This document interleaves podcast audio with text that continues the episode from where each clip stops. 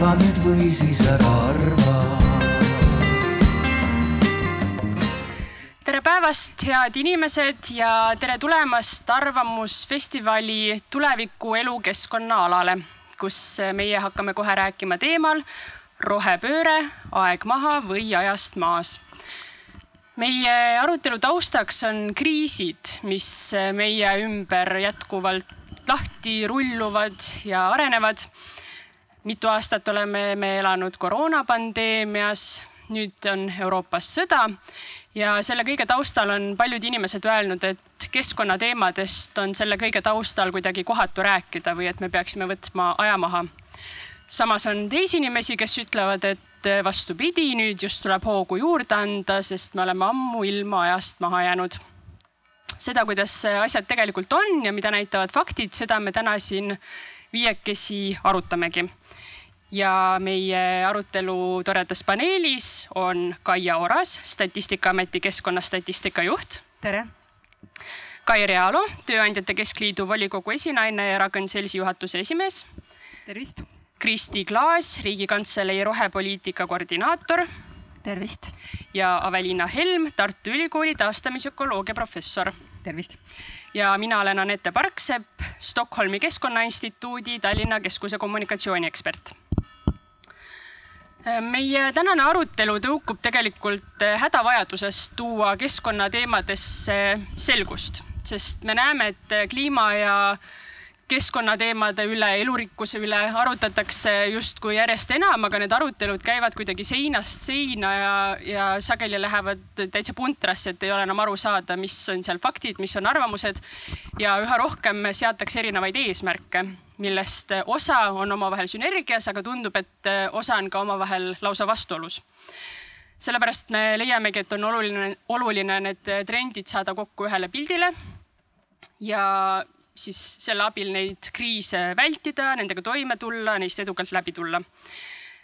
seda me siis täna Statistikaameti ja Riigikantselei andmete abiga vaadata püüamegi. võib-olla enne, kui ma annan sõna Kaiale, kes tutvustab meile neid toredaid graafikuid, mis seal ääre peale on pandud, siis eh, ma tooksin ka kõigepealt sellise maailma tausta siia lühidalt räägiksin lahti, et kus me keskkonnateemadega oleme. Eh, kahe tuhande üheksandal aastal eh, tulid teadlased Stockholmi Keskkonnainstituudi juhi Johan Rockströmi juhtimisel välja sellise kontseptsiooniga nagu maapiirid, taluvuspiirid. ja see on siis need piirid on, on sellised äh, inimmõju tasemed, millest alates on keskkonnamuutused pöördumatud äh,. mis tähendab, et äh, meie ökosüsteemid ei suuda meie tegevusele enam vastu panna ja meie toimetulek kannatab selle all. ja neid toimetulek, neid taluvuspiire on üheksa tükki ja halb uudis on see, et tänavu sai neist ületatud viies taluvuspiir. me oleme varem ületanud kliima soojenemise loodusliku mitmekesisuse kadumise, lämmastiku ja fosforisaaste ning maakasutuse muutuse piiri. ehk siis lihtsamini öeldes oleme nii palju metsi maha võtnud ja elukeskkondi hävitanud. ja tänavu lisandus siis keemiareostuse taluvuspiir. ühesõnaga, meie arutelu taust on see, et, et isegi kui me räägime keskkonnateemadest justkui väga palju ja justkui tundub, et hakatakse midagi ära ka tegema, siis maa taluvuspiirid näitavad, et meie tegutsemise tempo on tegelikult kaugelt liiga aeglane ja nüüd ma annaksingi kõigepealt sõna Kaiele, kes saab natukene rääkida, et, et mis andmeid meil täna kasutada on ja, ja mis seisus me Eestis üldjoontes siis äh, väga lühidalt oleme. Ja tere, tere kõik, et, äh, et võib-olla seda, et mis seisus me oleme, et seda võib-olla ei ole ja et ei olegi väga lihtne, lihtne öelda, aga, aga et mulle meeldib see lähenemise nurk, et sa võtsid ka tõesti sammu tagasi ja läksid, astusid ka nende äh, mõttes nende planeedi piiride tasemele ja, ja tõid nagu selle poole ka välja, et meil tegelikult ei ole ainult see äh, kliimateema, mis on kõige teravam, noh, vaid meil on ka, ka ülejäänud teemad, kus planeedi piire, piirid on planeedi piiride ületamine mitmete oluliste ökoloogiliste ainering äh,, ökoloogiliste ringete mõttes on, on praegu küsimuse all, et kas me neid ületame. aga et kui me kevadel Riigikantseleiga koos vaatasime, et rohepöörde mõttes, mis, milliseid mõõdikuid me siis äh, saaksime välja tuua ja meil ju on tegelikult ka mingi terve hulk sihtmärke olemas ja äh, siin äh, võrgu peale praegu üles pandud ongi mingi hulk praegu nüüd sellistest eesmärkidest, mida me oleme kas Eestis seadnud või on Euroopa Liidus äh, roheleppe eesmärgiga kokku lepitud ja seatud. ja, ja nende trendide osas me ürit-, tõime siia välja sihtmärgid ja, ja, ja, ja joonistasime lühidalt meie trendid visuaalselt ja üldistatult, et kas ja on näha, kas me siis tegelikult ka läheneme nüüd sellele trendile või me kaugeneme. nii et selle trendi värv siin antud juhul näitab seda, et kas me, kas me läheme, läheneme või siis me tegelikult kaugeneme. no näiteks kasvuhoonegaasid, mis on seal kõige paremale paigutatud, seal me tõesti läheneme trendile, aga see eesmärk tõepoolest on päris äh, kaugel, kuhu me äh, peaks peaksime jõudma. ja noh, kasvuhoonegaasidega seonduvalt on meil taastuvenergia eesmärk toodud seal, kus on meil Eesti kakskümmend kolmkümmend viis strateegia äh, eesmärk, kuhu me küll, kus me oleme küll Euroopa Liidus heal positsioonil, aga küsimus on see, et kuidas võtta see, äh, võtta see viimane miil ja mida see meilt tegelikult võtab, see kasvuhoonegaaside eesmärgi äh, täitmine või siis meie see energia lõpptarbimine, et kogu selles kliimavõtmes ei ole meil ainult see teema, et me, et me peaksime vähem kasvuhoonegaase emiteerima, aga tegelikult võib-olla on ka ka mõte selles,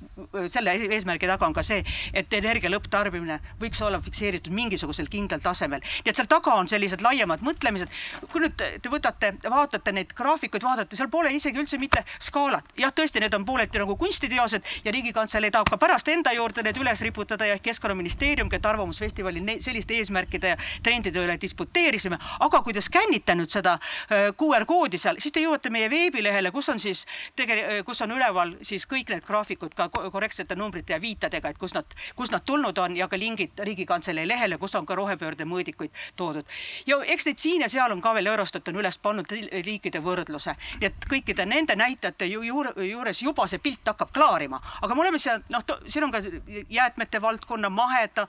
taimekaitsevahendite turustamise, bioloogilise mitmekesisuse, looduskaitse, sihtmärgid ja kõigist nendest me täna räägime ja ühe või teise juurde naaseme. aga no keskkonna nende trendide juures ühelt poolt on tõesti võib-olla see keskkonnasurve ja mida tahetakse saavutada, aga teiselt poolt on siis ka need meetmed, mida tehakse ja siin ka natukene oleme näidanud seda keskkonnale kulutatud raha ja keskkonnamakse ja keskkonnasektori suurust. nii et ka selline graafik, indeksid on seal olemas. ja lisaks on seal just puntnäitajad mõju levinumatest keskkonnatrendidest, mis näitavad, hulk paraneb, teised lähevad alla, aga et et see, viidata sellele, et see pole veel kõik. aga hetkel minu poolt kõik, et, et teistele sõna anda, aitäh me oleme omavahel kokku leppinud, et, et kuna keskkonnateemasid on tegelikult eh, nii palju, nad puudutavad nii paljusid meie eluvaldkondi ja nagu ma ütlesin, et nad lähevad omavahel natukene risti-rästi ja, ja samas vahepeal käivad koos, et siis me jaotame mõtteliselt oma arutelu kolme sellise suurema alateema vahel. ühest küljest siis eh, kasvuhoonegaasid seoses energeetikaga siis ringmajandus ja kolmandaks elurikkus. et võib-olla ma küsingi, Kristi, sinu käest alustuseks, et sina nagu seda rohepööret eh, tervikuna oled muudkui vaadanud, et kuidas see toimib, et, et kuidas sulle tundub, kas need eh, teemad, kas nad on, kas nad käivad omavahel nagu käsikäes või nad eh, lähevad vahepeal risti ka? Ja ma hea meelega korra võib-olla avakski eh, mõistete, mõistete poole, et me räägime ju palju rohepöördest, me räägime kliimapoliitikast, eh, me räägime elurikkusest ja kuidas nad siis omavahel üldse seotud on. ja minu arust kõige noh, kõige selgem eh, arusaam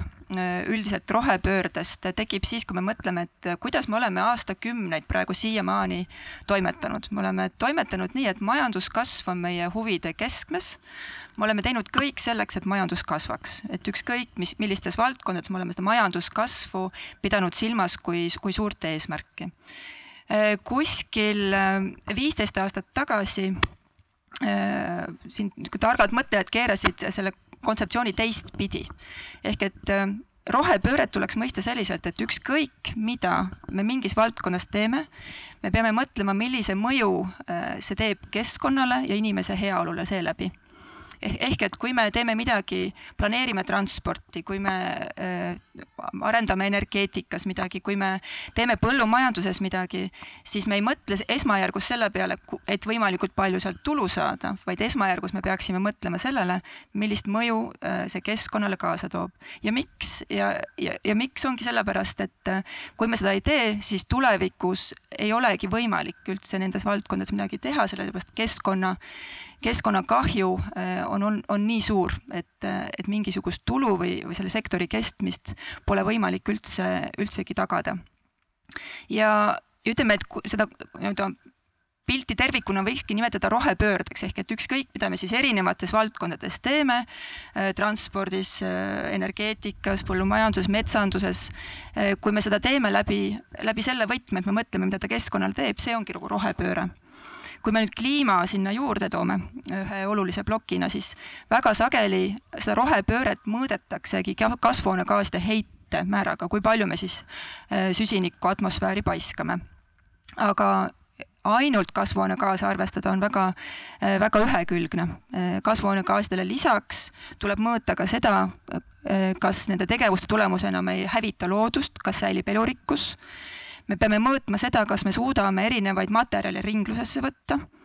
Äh, me peame mõõtma siis täiendavaid erinevaid mõõdikuid, ehk et see kasvuhoonegaaside heitemäär on ainult üks osa sellest, üks oluline küll, aga seda ei saa teha eraldi. ja, ja kui sa küsisid ka, et kuidas nad omavahel seotud on, siis see ongi äh, kõige keerulisem ja ma arvan, et Avelina ja Kai kindlasti avavad seda poolt ka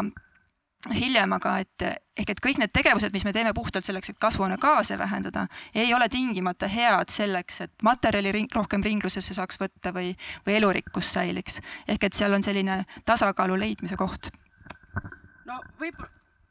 kas mind on kuulda? jah. Äh, võib-olla alustamegi siis nendest kasvuhoonegaasidest, mida me ikkagi, millest me nagu kõige rohkem võib-olla räägime millest on siis hea hakata edasi minema. et jällegi äh,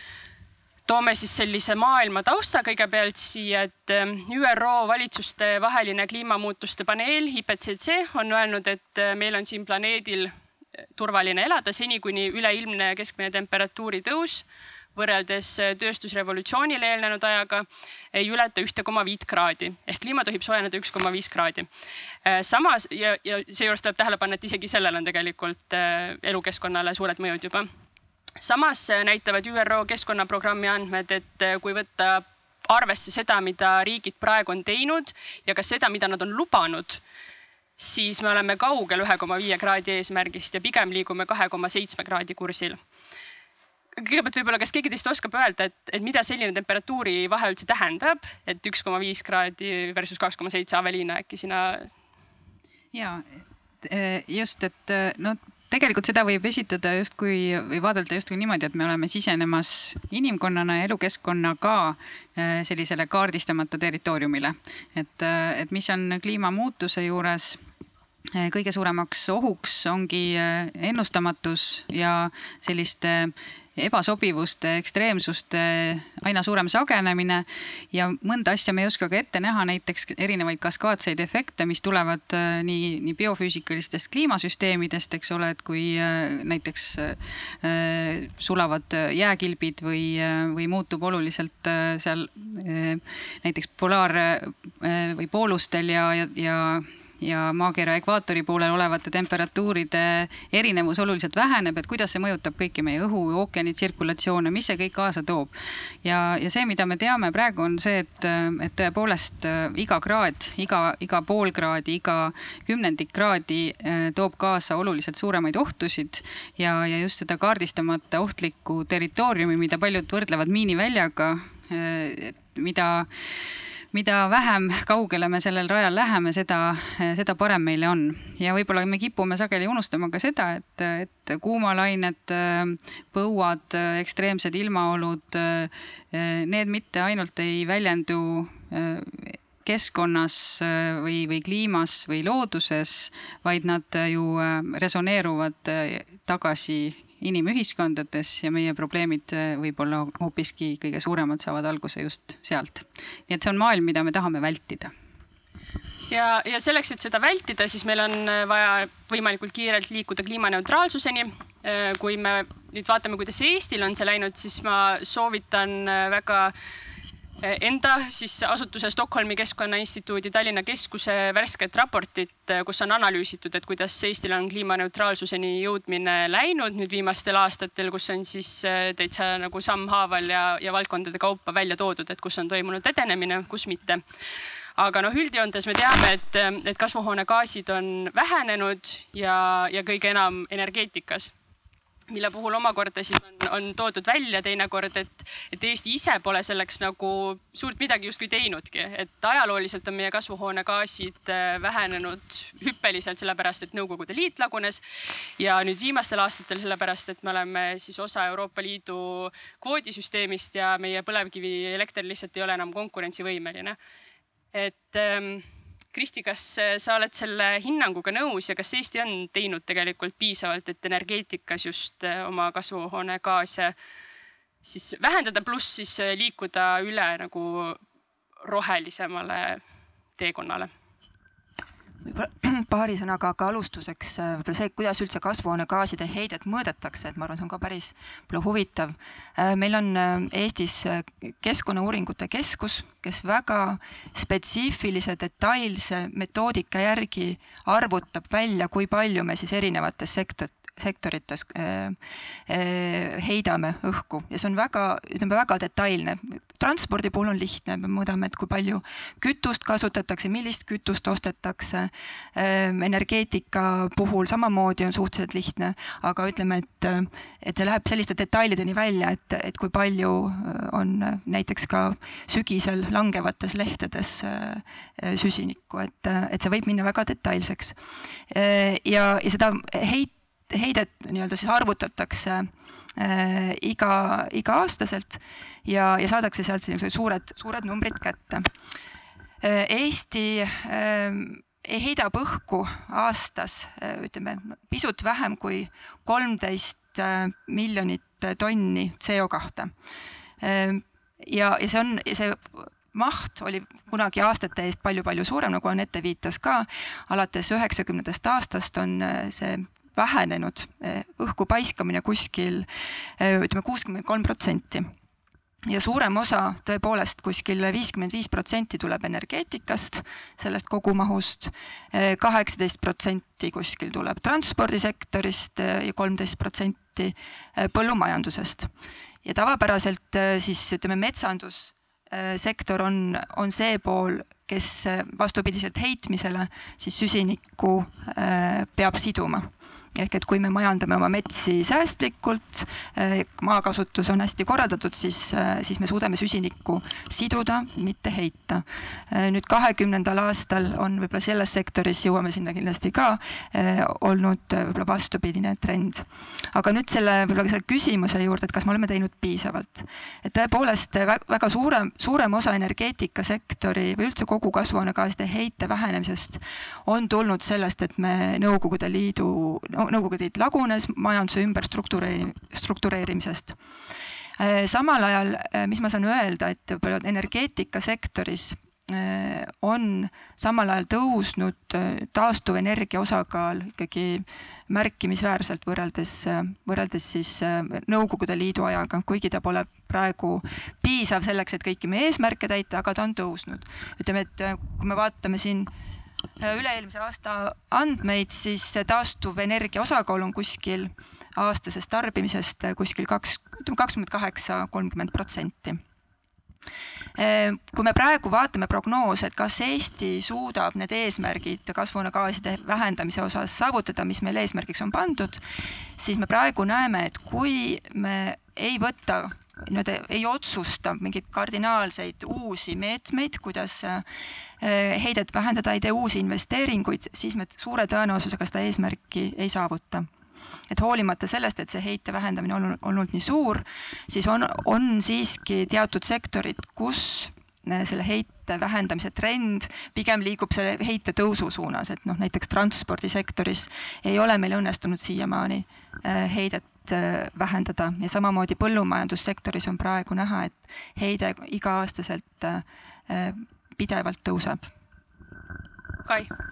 Jah, ma lisaks siia võib-olla juurde ühe nagu nüansi, kui me räägime transpordisektorist, siis kuigi ma täna oleseks olen enam-vähem aasta töötanud Ragn-Sellsis, siis mu eelmine karjäär, kuusteist aastat, oli seotud ettevõttega Statoil ja Circle K ehk et olles ka nende aastate jooksul näinud seda, mismoodi ei piisa ei ei Eesti riigi pingutustest transpordisektoris mingisugust muudatust ellu viia ega ka võib-olla nende rahvusvaheliste ettevõtete pingutustest. toon näitena siia kas või biokütuste kasutuselevõtu Eestis, mis tegelikult lõppes fiaskoga lihtsalt seetõttu, et tarbijate hirm, mida tegelikult toitsid täiesti alusetult ka väga prominentsed inimesed meedias Äh, viis selleni, et tegelikult äh, me biokütust äh, täna ei kasuta bensiinides endiselt. Ja, ja selle juures kõige paradoksaalsem ja, ja võib-olla ka selline kummaline on see, et, et kui me Eestis seda nii väga kardame, et, et selle kasutuselevõtt tegelikult ebaõnnestus, siis samal ajal paljude eestlaste jaoks palju kiidetud ja kvaliteedina väga esile tõstetud äh, Soome kütused äh, sisaldavad väga kõrget äh, bioprotsenti ja on seda teinud juba aastaid, äh, samamoodi ka sel hetkel, kui eestlased käisid kõik Lätist kütuseid ostmas, siis ka sellel hetkel Lätis kõik kütused sisaldasid seda kardetud biokomponenti ehk et siin on puhtalt ka selline psühholoogiline pool selle sees. mis on muidugi hea, on see, et, et äh, riik ei taganenud sellest biokomponendi või taastuvenergia nõudest ja tänaseks võib öelda, et äh, valdav enamus Eestis müüdavast äh, diislikütusest on, on vähemalt suveperioodil nii-öelda taaskasutatud toormest ehk et parafiinsest materjalist, et see tähendab, et seda fossiilset äh, diislikütust äh, tänu sellisele ikkagi nõudele, mis on Eestis kehtestatud, äh, me täna enam nii suures hulgas ei kasuta, kui seda veel aastaid tagasi. aga võib-olla selle õige vastus on see, et, et seadused ei muuda seda, kuidas ja mida me vähendame, vaid tegelikult see ikkagi hakkab kinni ka sellest, et kuidas me endale inimestena, kõige tavalisemate inimestena teadvustame, miks ja mida meil tuleb teha ja, ja kuidas me leiame selles muutunud olukorras selle nii-öelda uue mugavuse, millele külge siis klammerduda, sest et äh, ega, ega inimesed muudatusi ellu ei vii äh, mitte niivõrd vajaduse puudumisest, kuivõrd sellest, et see eelmine olukord tundub lihtsalt niivõrd äh, meeldiv ja mugav no Ukraina sõja tõttu me näeme, kuidas Euroopas, mis tegelikult on ju olnud äh, kliimaneutraalsuse vedur justkui maailmas, äh, saab, fossiilkütused saavad täiesti uut hingamist, mis Eestis tähendab siis muuhulgas põlevkivienergia renessanssi. Eesti Energia on võtnud äh, viimastel aegadel palgale sadu uusi töötajaid, nad on öelnud, et nad võtavad veel tööle inimesi. Äh, ja ilmselt saab selle aasta Eesti kasvuhoonegaaside heide olema jälle suurem, kui ta varem oli. et ähm, mis on konkreetselt siis jäänud tegemata, et me nüüd sellises olukorras oleme? et me peame minema tagasi põlevkivi juurde kui nüüd Ukraina sõja mõjusid vaadata, siis äh, iseenesest on seal hästi palju nagu erinevaid tahke, et võib-olla ka alustada just selle fossiilsete kütuste eh, uuesti kasutuselevõtuga. Eh, no me olemegi olukorras praegu, kus eh, rohepööre energiasektoris ongi siiamaani toimunud liiga aeglaselt kui meil oleks äh, olnud äh, rohkem taastuvenergia osakaalu kogu energia nii-öelda tarbimisest, oleks rohkem taastuvenergia parke, siis see olukord oleks praegu teistsugune. aga miks, aga miks meil ei ole sellega, kas ei ole lihtsalt peetud prioriteetseks, mis on need konkreetsed takistused olnud, mille taga see seisab? ma, seal on ka, ütleme, mitu tahku, et kindlasti üks pool on see, et, et ta ei ole olnud niivõrd kõrges prioriteetide listis ja ei ole olnud ka sellist äh, suurt nii-öelda tagant tõukavat jõudu nagu praegu, eks ole, Ukraina sõda tahes-tahtmata seda teeb, äh, kui me tahame Venemaalt pärit fossiilsest kütusest loobuda. Äh, ja, ja teisest küljest noh, ka, ka inimeste vastuvõtlikkus taastuvenergiaparkidele on olnud pigem tagasihoidlik või, või ka pigem skeptiline, mis on takistanud taastuvenergiaparkide kiiremat, kiiremat rajamist.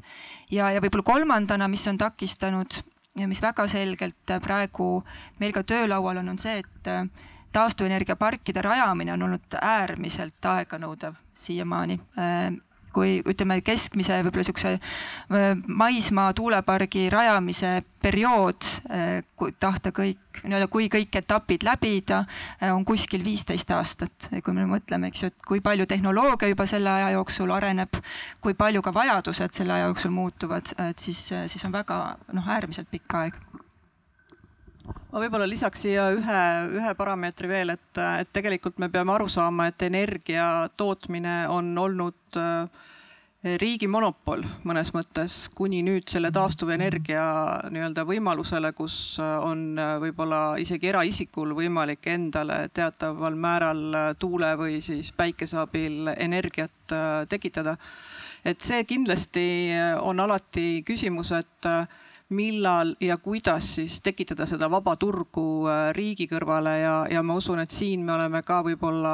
liiga kaua uskunud, et äh, riik teeb selle, korraldab selle meie eest ära ja, ja kõik see energia nii-öelda mitmekesisus, energia tootmise mitmekesisus tekib nii-öelda riigi poolt, et äh, nüüd ma usun, et jah, ma olen eelmiste väidetega nõus, aga, aga kindlasti on veel tõkkeid, mida murda, sest et me peame tegelikult õppima aru saama, et mismoodi selline mitmete osapoolte poolt äh, nii-öelda energia tootmises osalemine ikkagi siis lõppkokkuvõttes sellise terviku moodustab, äh, tagades siis kogu Eestile sellise vajaliku varustatuse ma korraks tahaksin tulla selle inimeste vastuvõtlikkuse teema juurde tagasi, et mind kuidagi ennast alati väga puudutab see nimbi teema, et kui räägitakse taastuvenergiast, siis kohe tuuakse välja, et aga ükski inimene ei taha seda. et minul alati tekib selle peale küsimus, et kas meil on selline nagu, nagu siis ettevõtluskultuur piisavalt äh, ühesõnaga mõtleb nende inimeste peale, kelle juurde nad siis lähevad neid asju rajama, et, et miks meil alles praegu näiteks on ju tulnud välja nüüd see tuulikute talumistasu justkui. Ehm, mulle tundub, et see rohepööre võiks olla just see koht, kus inimesed, kus me loome rohkem nagu võrdsust, mõnusamat elukeskkonda ja, ja loome mingisugused võimalused rohkematele inimestele sellest heaolust osa saada. et, ehm, et kas meil nagu on senimaani pakutud inimestele piisavalt selliseid stiimuleid või nagu, et nad tunneksid, et jah, et, et nemad ka saavad sellest tuulepargist või mis iganes asjast kasu. või on niimoodi, et kõigepealt lennatakse peale ja siis on inimesed pahased ja siis öeldakse, et okei okay,, me siis pakume teile mingit raha ka või midagi sellist. kas ma olen nagu ebaõiglane selles osas? Ma, ma võin lihtsalt äh, täiendada sinu lauset. Mina küsiksin isegi niimoodi, et kas seda nimbit on üldse olemas või on ainult inimeste skeptitsism ja juba varasem kogemus, pettumus sellest, et kuidas näiteks mõnes või teisel juhul on kas nendest või nende tuttavatest või mõnedest kogukondadest üle sõidetud, ilma et neid, nende muret oleks piisavalt arvestatud, et, et see on niimoodi hea malakas olnud võtta, et näete, inimesed ei taha ja et, et, et siin on, vot see on suur takistus olnud, aga, aga sageli ikkagi seesama kultuur kultuuri küsimus on siin hästi-hästi tugev sees, et, et mina oleks ka oodanud oluliselt varem neid äh, siukseid taluvusasju või koostööd või näiteks inimeste osalust energiaühistutes, õpetusi sellest, et kuidas jah. just, et kuidas, kuidas saab üks küla püsti panna enda oma, äh, oma kogukonna elektritootmisvahendid ja nii edasi, et seda ju tegelikult veel ei ole ja on alles tekkimas no mina, kes ma olen siin äh, osalejate seas vist ainuke, kes tegelikult on aastakümneid olnud äris siis ma võin seda kommenteerida, et, et kindlasti ärikultuur on Eestis ka arenenud äh, väga visalt. et äh, ei ole ju saladus, et me tuleme ikkagi sellisest äh, nii-öelda pikalt okupatsiooni all olnud äh, riigist, Nõukogude süsteemist ja ja teatav selline vabanemistunne tõi kaasa ka selle, et iga, kõik vahendid äh, nii-öelda eesmärgi saavutamiseks ärilisest, nagu siin ka kõige alguses äh, sai välja toodud, et et äh, majanduskasv ja, ja selle jaoks siis ka kasumi teenimine on olnud äh, püha ja võib-olla selline kogukondadest hoolimine on olnud äh, ka teatud mõttes selline teisejärguline.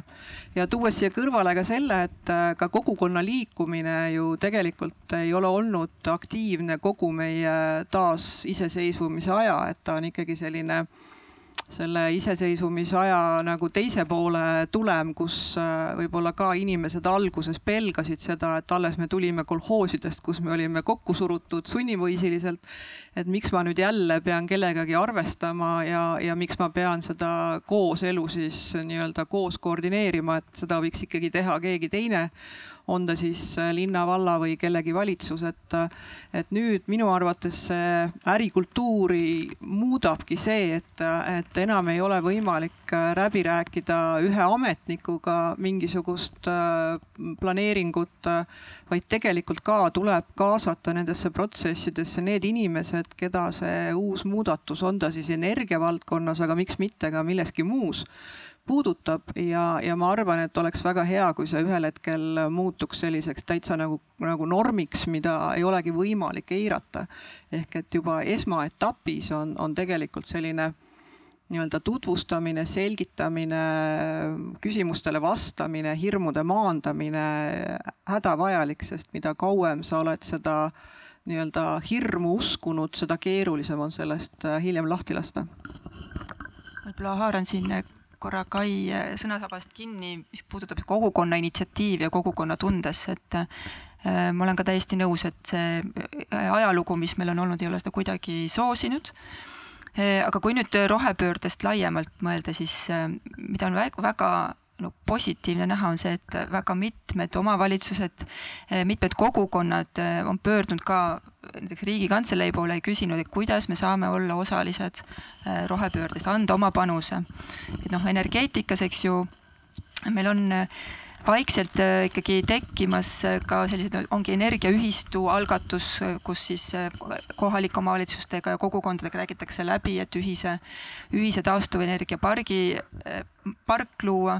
aga samas on ka selliseid väiksemaid algatusi, mis me võime nüüd mõelda, et suures pildis võib-olla ülisuurt mõju ei oma, aga siiski on kogukonna ja selle kaasatuse kontekstis väga olulised, et toidu, näiteks toidujagamiskapid, mis on tekkimas erinevatesse linnadesse ja valdadesse,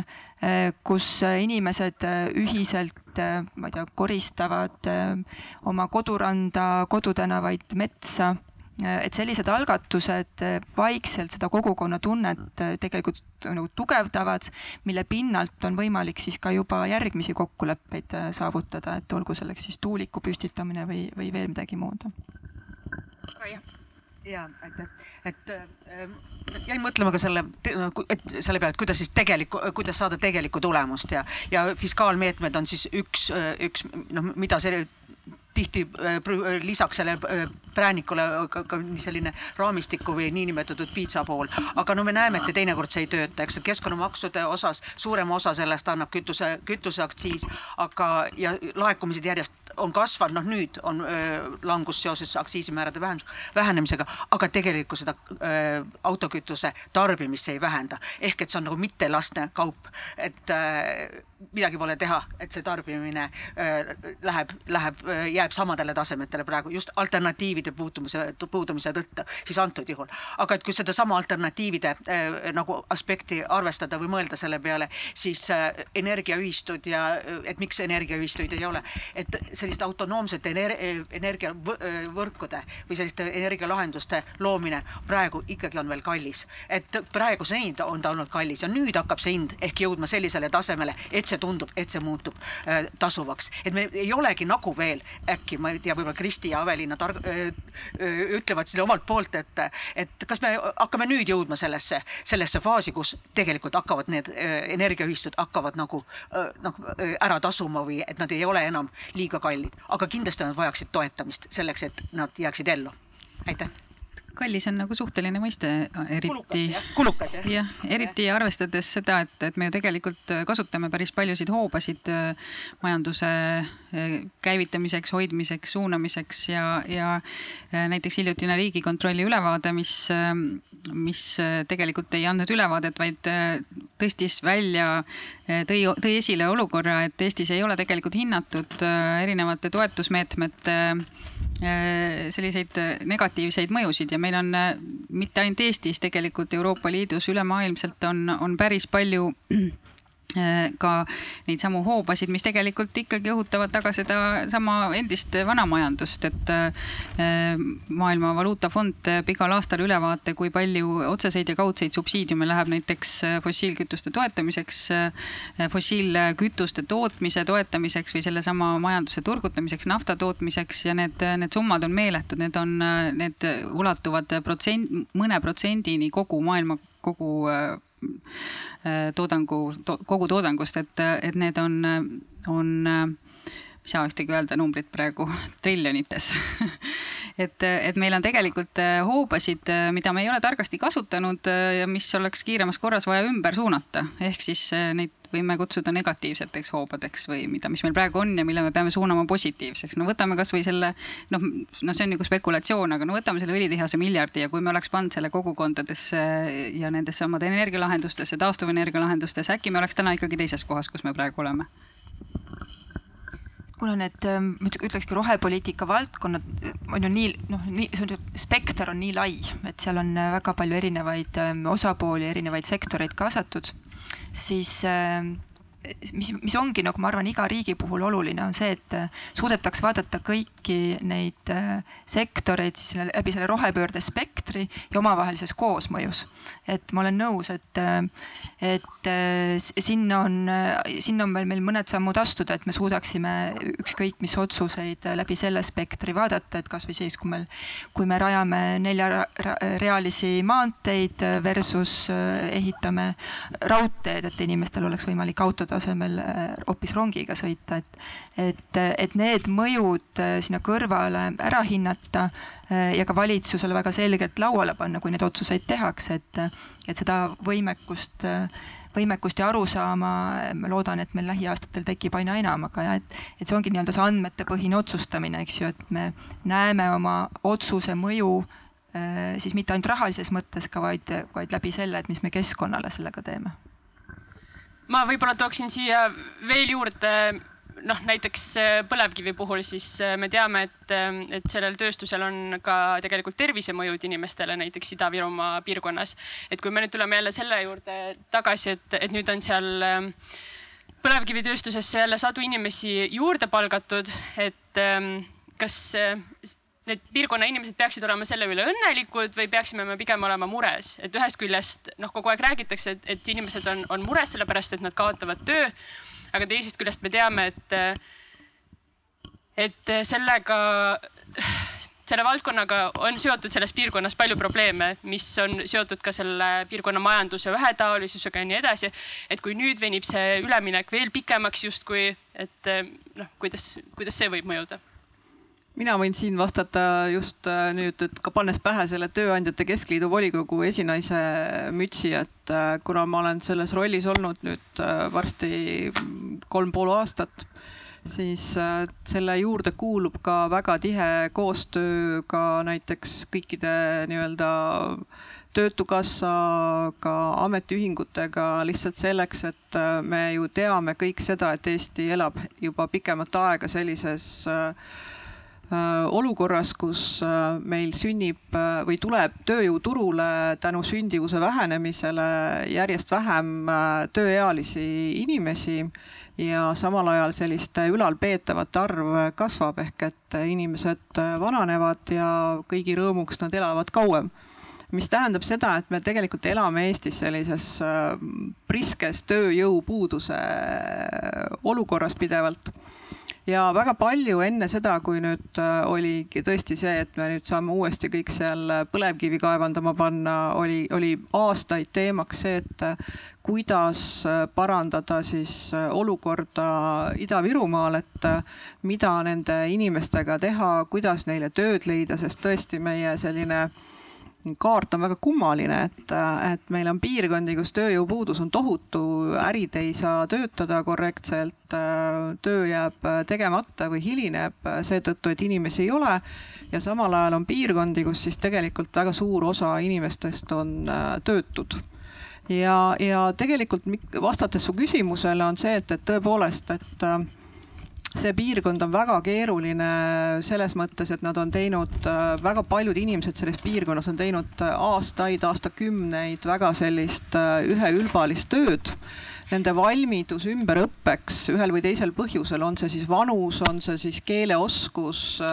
on see siis motivatsioon midagi muud omandada ja teha, on äärmiselt madal, et seal on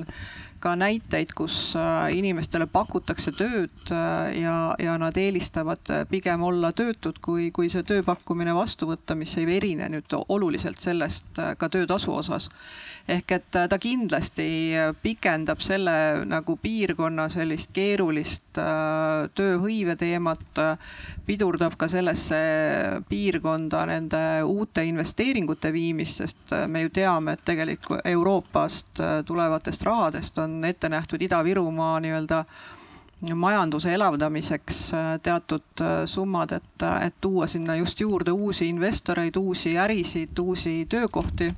nii et ta taaskord äh, teeb sellise väikese tagasilöögi selles, et anda sellele piirkonnale selline mitmekülgsem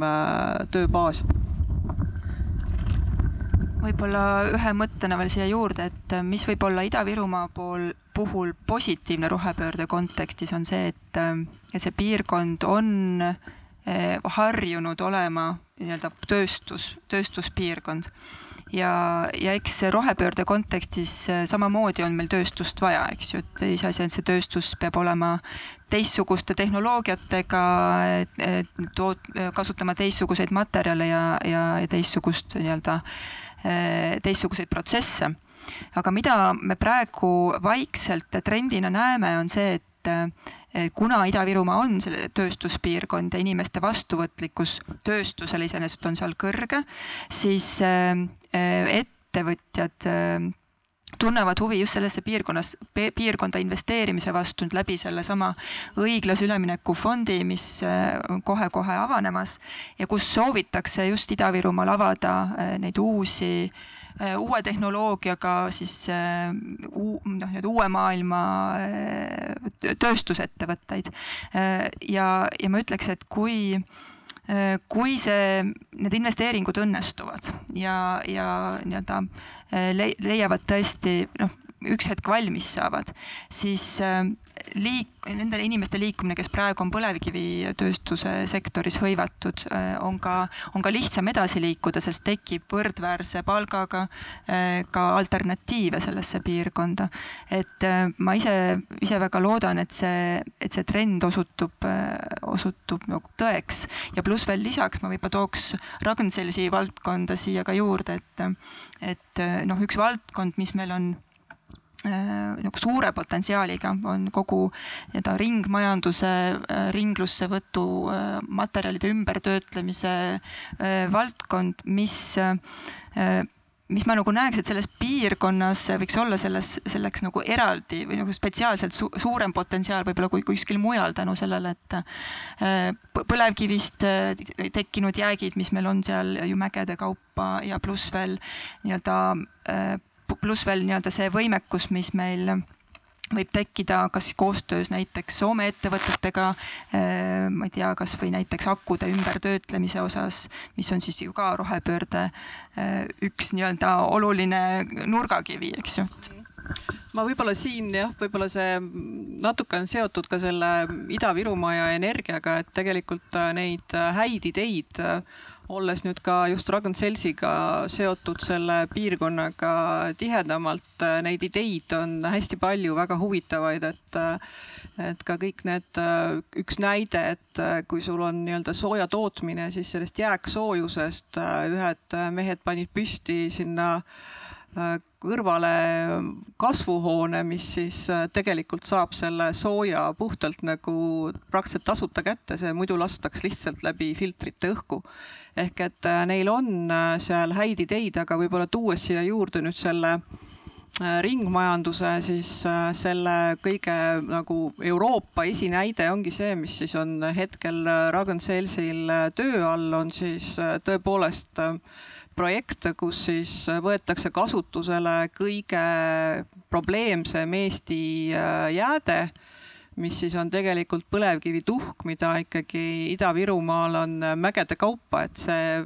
kõrvalt tulnud inimestele tundub uskumatu, et need ei ole looduslikud äh, künkad, vaid need on äh, põlevkivituhk. ja, ja selle tõepoolest äh, kasutuseks andis tõuke see, et, et mõelda, et kuidas ja mida sellega teha saaks ja kuna see põlevkivituhk sisaldab väga palju erinevaid aineid siis äh, Ragn-Sellsi äh, koostöös äh, nii Tallinna kui Tartu ülikooliga ähm, töötati välja siis tehnoloogia, mis siis võimaldab sealt välja võtta kaltsiumkarbonaati sellest tuhast. kaltsiumkarbonaat on selline valge pulber, sellest saab teha ehitusmaterjale ehk et kõige levinumal hetkel on sellele nüüd tugev nõudlus äh, just põrandate valmistamisel, aknaraamide valmistamisel ja, ja mis teeb selle projekti äh, imeliseks, on see, et, et ta on äh, nii-öelda kliimapositiivne ehk et ta seob rohkem CO2 ehk et ta vajab oma protsessiks CO2, mitte ei, ei emiteeri seda. Ja, ja see teeb äh, selle eriti siis atraktiivseks äh, kõikidele suurtootjatele, kellel äh, ka soov minnes üle sellisele keskkonnasõbralikumale tootmisele ei ole ju midagi meeldivamat, kui saada toode, mis siis on, on valminud sellise tehnoloogia järgi, et ta tegelikult seob äh, näiteks äh, põlevkivitööstuses äh, tekivad CO2 ja, ja selle tulemusena on siis äh, täiesti kliimapositiivne toode. ja, ja ka kohtudes siis näiteks Franz Timmermansiga siin kevadel, siis ka tema jaoks oli väga huvitav see, et ta on sisuliselt selline äh, nulljäätmega tootmine, et pärast kaltsiumkarbonaati on sealt võimalik välja võtta veel erinevaid äh, mineraalühendeid, ka selliseid, mis täna sealt Mendelejevi tabelist vaadates on suhteliselt suures defitsiidis kogu maailmas. Ehk et äh, seda on võimalik veel kord äh, nii-öelda kasutusele võtta ja, ja sellest midagi teha, nii et see on see nii-öelda positiivne pool äh, sellest, kui tegelikult vaadata seda, mis me tänaseks oleme teinud nagu sellise uue, uue ärimudelina, mitte enam nagu sellise vana ärimudelina, kus me lihtsalt ekspluateerime kõike. no Ukraina, Ukraina sõja valguses väga palju räägitakse tooraine defitsiidist, et kuivõrd siin saab ringmajandus tegelikult äh, lahenduseks olla või, või kas on mingeid lahendusi ka juba leitud mingitele defitsiitidele? Ja ma näiteks võin täpselt tuua, kõigepealt ma klaariks üldse ära kõige alguses, ennem kui me selle ringmajanduse teema juurde läheme, et, et inimestel tekib vahetevahel segadus selles, et mis on taaskasutus ja tundub, et see taaskasutus on väga kõrge, see on väga hea taaskasutus on see, et kui me tegelikult leiame sellele jäätmele, meie eestlane ütleb harilikult ikkagi prügi, et kui me leiame sellele prügile lihtsalt nagu uue, uue nii-öelda mõtte seeläbi, et me seda veel korra millekski kasutame. näiteks kõik Eesti olmejäätmed hetkel võib öelda lihtsas keeles põletatakse ära, ehk et sellest siis saab sooja ja, ja kuna see on siis nii-öelda uuesti selle olmejäätmete kasutamine, siis see on taaskasutus ja, ja mõnes mõttes võiks öelda, et see on ju väga tore aga tegelikult kõigis nendes jäätmetes on, on just täpselt neid materjale, mida saaks taaskasutada ehk et tegelikult suunata nad ringlusesse ja ringlus juba on, on midagi sellist, kus sa tegelikult võtad selle materjali kasutuseks millegi uue tootmiseks, nagu ma tõin välja selle kaltsiumkarbonaadi sealt tuha seest, on tegelikult jäätmetest võimalik kätte saada kõike, kõikvõimalikke materjale, et Ragn-Sellsis alustades, käies äh, nii-öelda seal jäätmejaamas äh, platsi peal, siis äh, see on uskumatu, mida on võimalik äh, nagu äh, jäätmetest äh, sorteerida kahjuks või nagu kurvastuseks võin öelda, et mitte keegi ei sorteeri teie olmejäätmeid, et kui te olete pannud nad kasti nimega olmejäätmed, siis nad lähevad kõik prügimäele, sest see on ikkagi selline paras plörr, mida ei ole mõtet sorteerida, aga kahjuks koos selle mudruga läheb ikkagi ka sorteerimata jäätmeid, et sorteeritakse ikkagi ainult neid, mida on pandud nendesse pakendikastidesse, pandud kollastesse kilekottidesse. aga vastates su küsimusele, siis äh, kõige defitsiitsem kaup, mida on, on kindlasti vaja ja, väga mõistlik kasutada, on siis paber ja papp ehk et kõik see ennekõike tuleb siis suurtest ettevõtetest, kes siis tarnivad Eestisse kõikvõimalikku kaupa papist ja paberist tehtud, kartongist tehtud kastides, see kõik on väga heas kvaliteedis ja, ja läheb suures osas kõik taaskasutusele. Teine väga väärtuslik kraam on klaas mida võib praktiliselt äh, lõpmatuseni taaskasutada. jah, seal on teatud tehnoloogilised äh, väljakutsed nagu nii-öelda lameklaasi, äh, lehtklaasi ümbertöötlemisel, aga, aga, aga kokkuvõttes kõik see, mis tuleb purkide ja pudelitega, on, on väga tänuväärne, et tasub vaadata oma keldrid üle ja kõik see purgid ja pudelid ikkagi kodust ära tuua ja plast, mis hetkel on äh, tegelikult äh, ka samamoodi, et äh, kus ikkagi meil ees seisab väga tõsised vestlused tootjatega, sest et praegu väga paljud, meie kõik ütleme selle kohta plast, aga, aga ta tegelikult on selline komposiitmaterjal, et kümme erinevat materjalisegu on siis ühes värvilises pakendis koos ja vot sellest midagi uut teha sisuliselt ei saa, et ka see läheb põletamisele. aga kõik selline ühe nii-öelda ühest materjalist äh, plast on, äh, on ka väga hästi taaskasutatav ja paari aasta pärast tegelikult äh, kehtib Eest-, Euroopa Liidus nõue, et kõik joogipudelid, mis on plastist tehtud, peavad sisaldama kahekümne viie protsendi ulatuses taaskasutatud plasti mis tähendab seda, et äh, selle plasti kasutamise, nii-öelda taaskasutamise vajadus tõuseb äh, kindlasti hüppeliselt. aga ma toon teile ka väga huvitava näite, mida tegelikult äh, on kohe konkreetselt seotudki Ukraina kriisiga. et on teada, et teatuid väga olulisi ehitusmaterjale ja teedehooldusmaterjale tuua, toodi Ukrainast, Valgevenest ja Venemaalt. Ja kui nüüd on Ukrainas segased ajad ja, ja transport keeruline ja Valgevene ja, ja Venemaa äh, ei, ei, kaupu sealt tuua ei saa ka materjalidena, siis äh, näiteks teedeehitusettevõte ka Tööandjate Keskliidus äh, ütles, et nende jaoks on väga suur küsimus, et äh, kuidas nad näiteks soolavad teid sellel talvel sest et äh, see soola hind, äh, mida nad saavad äh, Euroopa Liidust võrreldes sellega, mida nad siiamaani tõid siis nii-öelda Ukrainast ja Valgevenest, on neli korda kõrgem. samal ajal näiteks Rootsis Ragn-Sells avab sellel sügisel nüüd tehase, mis teeb tegelikult jäätmete põletamise tuhast soola ja põhimõtteliselt see sool on äh, võimeline selle puhtuse astmeni viia, et seda võib kasutada ka lauasoolana. aga, aga see muidugi paneb enamikel niisuguse ihu võdisema, et äh, kuidas on võimalik, et kõigepealt on äh, kellegi kaup, siis on jäätmed, siis on tuhk ja siis on jälle lauasool, eks ju aga kahtlemata tööstuslik soola kasutus, mis ei vaja sellist nii, nii puhastamist, on, on ka nii-öelda äh,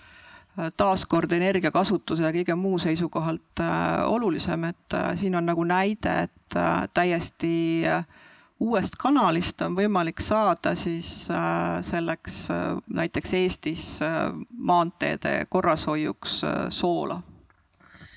nende protsesside peale, kõigi peale kulub ka ju energiat, tööjõudu, kõike seda, et, et kui me nüüd paneme selle jälle seosesse nagu teiste keskkonnamõjudega, et siis,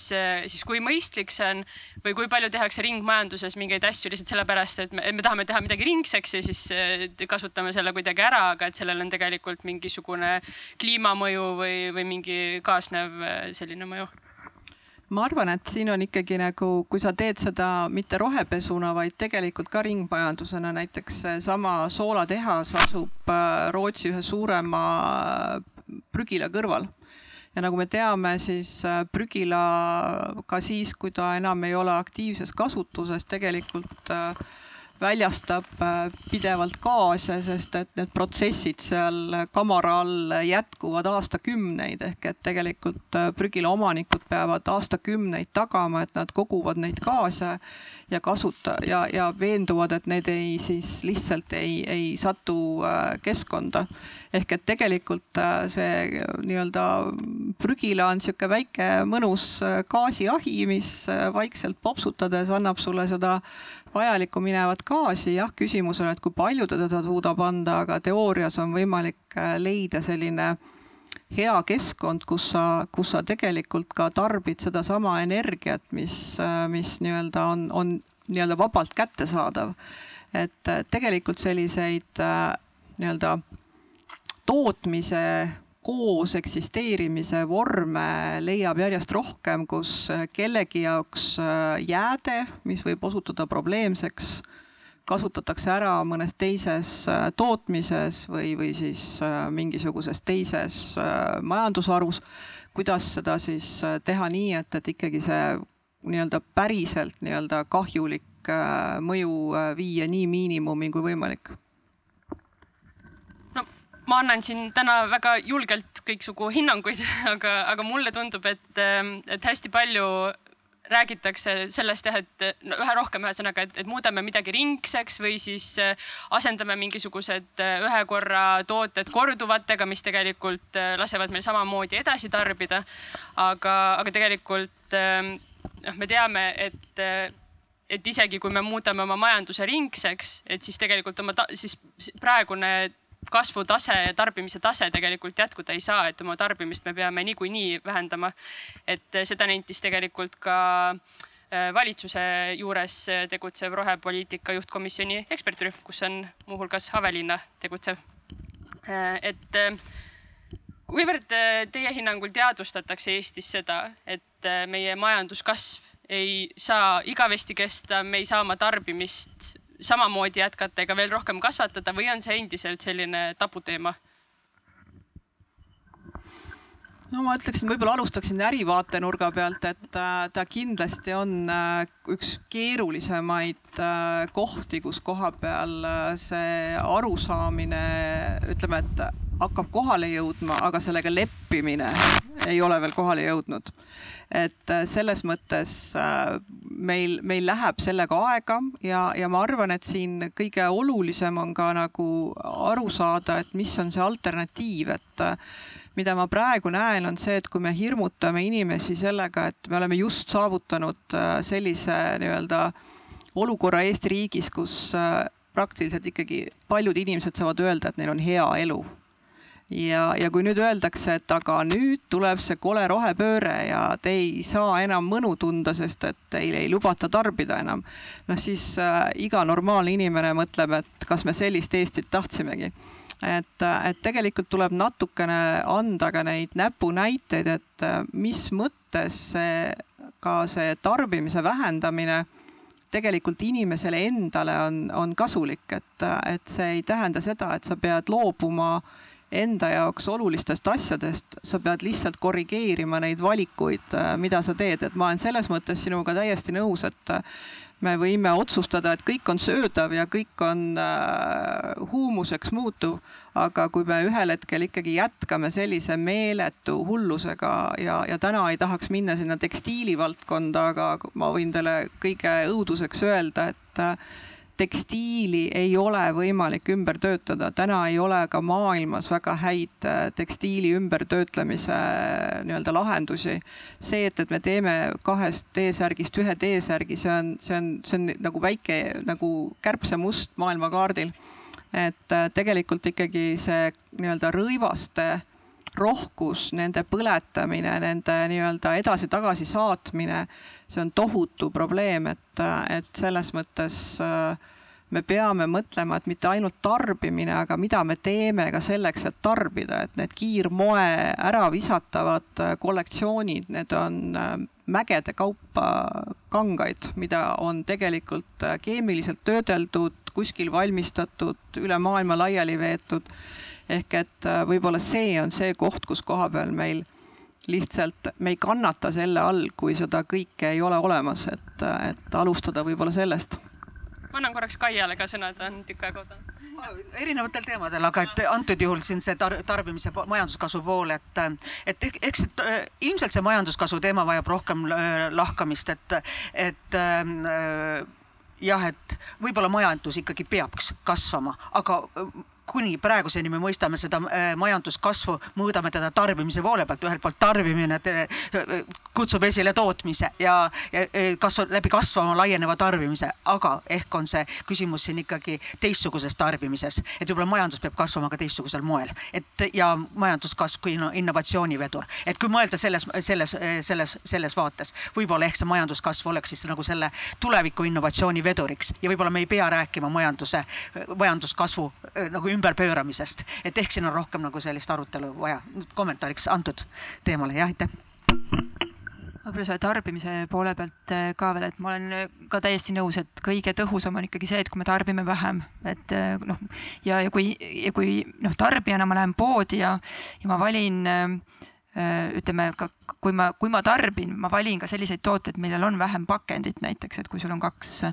hambapastat kõrvuti, millel ühel on tuubil karp veel ümber ja teisel seda karpi ei ole.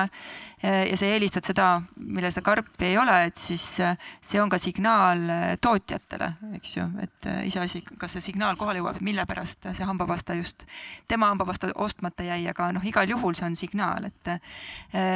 kui me nüüd vaatame Lääne-Euroopas ka on ja ka Eestis tegelikult on tekkimas neid pakendi pakendivabasid või peaaegu pakendivabasid äh, toidupoode, kus ongi võimalik ilma äh, siis selle täiendava prügita äh, oma konteineris toiduaineid kaasa osta. ja, ja kui sealt veel korra hüpata tagasi energeetika peale, eks ju, me rääkisime siin taastuvenergia arendamise vajalikkusest ja, ja puhtast energiast, siis seal tegelikult samamoodi see tarbimata energia on kõige parem energia, ehk et kui meil on soojustatud kodud, me ei küta neid kodusid üle, siis see on ka väga suur nii-öelda tarbija mõju, mida ta saab tervikuna, noh, väga suure mõju, mõju enda poolt tervikpilti nagu pakkuda, et, et, et ma ütlekski, et, et me võime teha igasuguseid investeeringuid me võime teha plaane, aga tõepoolest äh, inimese enda käes või ettevõtete enda käes on kõige suurem äh, võti ja võim, et äh, et kui kaua meil läheb selleks, et seda mõtteviisi muuta, ise teistmoodi mõelda. ma usun, et see ei juhtu kiiresti, aga noh, samas kui ma vaatan praegu kasvõi oma teismelisi lapsi, kes esimeses eelistuses lähevad eh, taaskasutuspoodi omal riideid ostma, mitte, mitte nii-öelda tavalisse kiirmoe brändipoodi, siis eh, noh, see on, see on märk, mis mulle nagu väga meeldib, eks ju. Jah, ma saan siinkohal ka kinnitada üle, et minu usk on ka põlvkondade vahetumises, et et kahtlemata see kõige suurem muudatus inimeste tarbimisharjumustes tegelikult tulebki nagu selle põlvkonna vahetusega, et olles ka äh, nii-öelda paljude inimeste tööandjana ja, ja väga paljude noorte tööandjana just Circle K-s seda teemat äh, päris palju käsitlenud, siis äh, siis on päris julgustav äh, näha, et väga paljud noored tegelikult hindavadki teisi asju kui eelmised põlvkonnad, see on paratamatu, sest nad on teatud miinimum hädavajadused oma elus saanud lapsest saadik nii-öelda rahuldatud ja neil ei ole lõpmatuseni vaja ennast äh, hellitada veel suurema televiisori ja, ja veel suurema sektsioonkapiga. et äh, nad väärtustavadki muid asju, see on siis inimesed, äh, suhted, vaba aeg ja, ja loomulikult nad tarbivad, aga ma näen ka seda just, et see tarbimine muutub pigem selliseks äh, võib-olla küsivamaks, et äh, natukene mõelda ka sellele, et miks ma just seda asja tarbin, et mitte ainult see, et ta on, on ilus, hea või hinnalt äh, sobiv, aga, aga see, et, et äh, kuidas ta on toodetud, mis selle asja nagu mõte on sellel kaubamärgil, kes seda siis tootnud on ma annan Avelinale sõna koos äh, väikese küsimusega, et, et kas me võib-olla sellepärast ei olegi nii suures kriisis, et me oleme nii kaua oodanud seda mõtteviisi muutust, seda põlvkondade vahetumist ja siis see põlvkond kasvab suureks, tuleb välja, et ei olegi eriti teistsugune. jah ma mõtlen, et ma tahtsin jah, tahaksin võib-olla natuke oponeerida või mitte oponeerida, aga täiendada seda tarbija valikut, et tegelikult äh, see ju kõik on õige, loomulikult, et me peame olema kõik targemad ja tegema paremaid valikuid. aga teate, see on samal ajal ka üks suur skämm. et äh, see, et lükata see vajadus regulatsioonide järgi, vajadus tegelikult muuta sisulisi asju, miks me oleme äh, selles energialõksus, kus me praegu oleme, sinna ei anna teil midagi teha, kulla tarbijad, te ei saa mitte midagi teha. Te peate hoopiski nõudma mitte läbi oma tarbimisvalikute, vaid nõudma regulatsioone. no kasvõi võtame lihtsa näite, et äh, vanasti suitsetati lennukites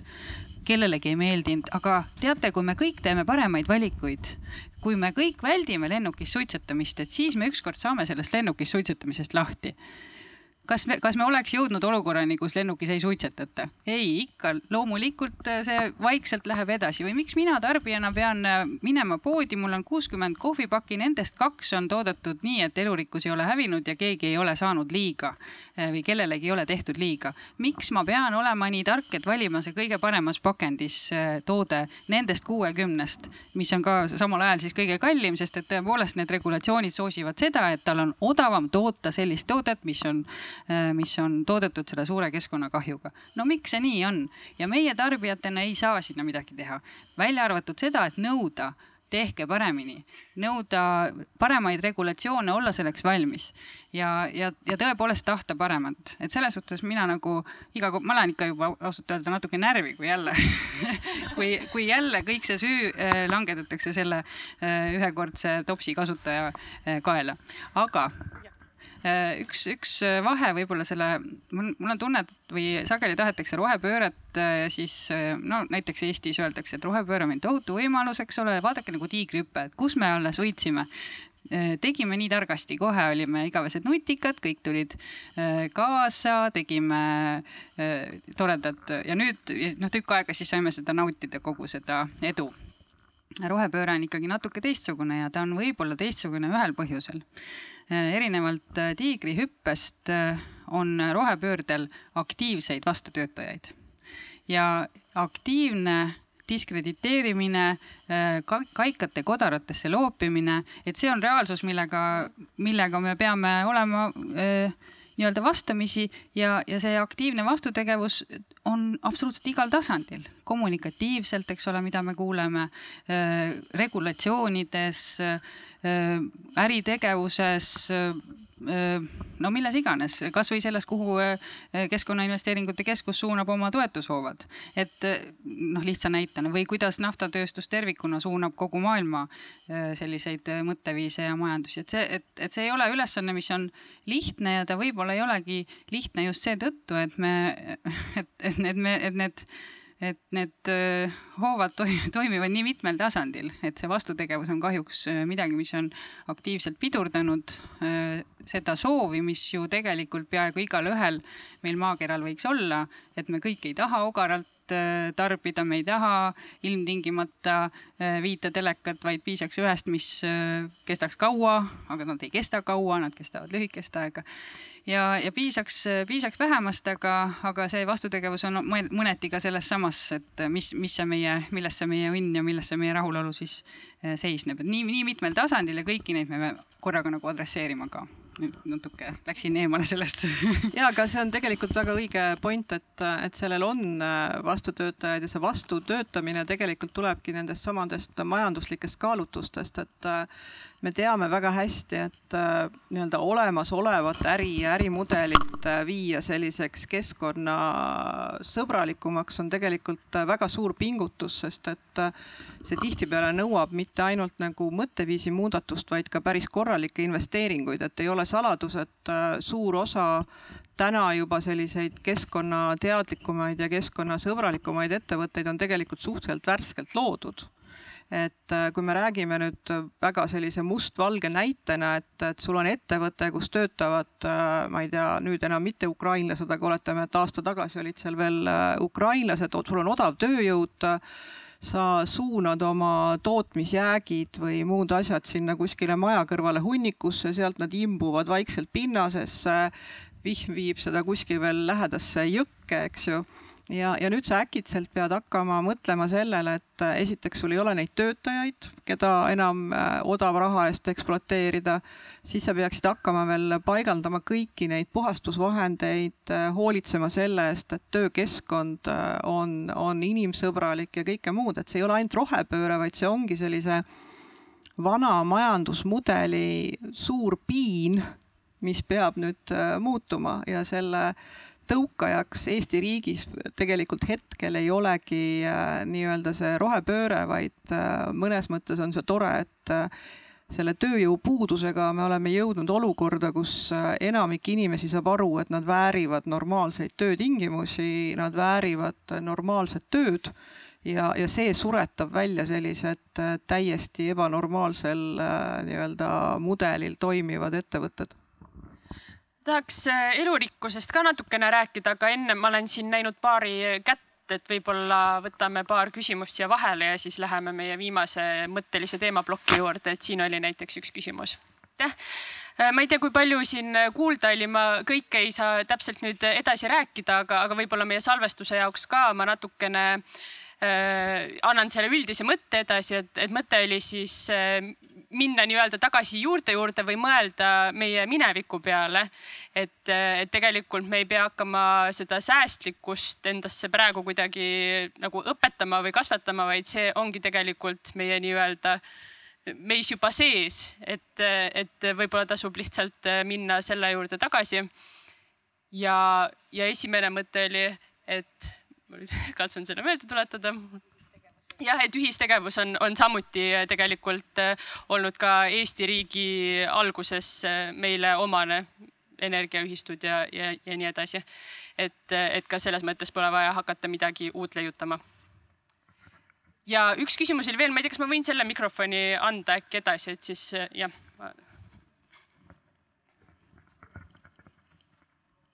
ja küsimus Avelinale. tähendab, kas ma saan nüüd sellest jutust õieti aru et kui te pakute välja, et me peaksime nõudma, no ma saan aru poliitikutelt, kui valijad nõuame poliitikult regulatsiooni, mis keelab kauplustes odavamate kaupade müümise,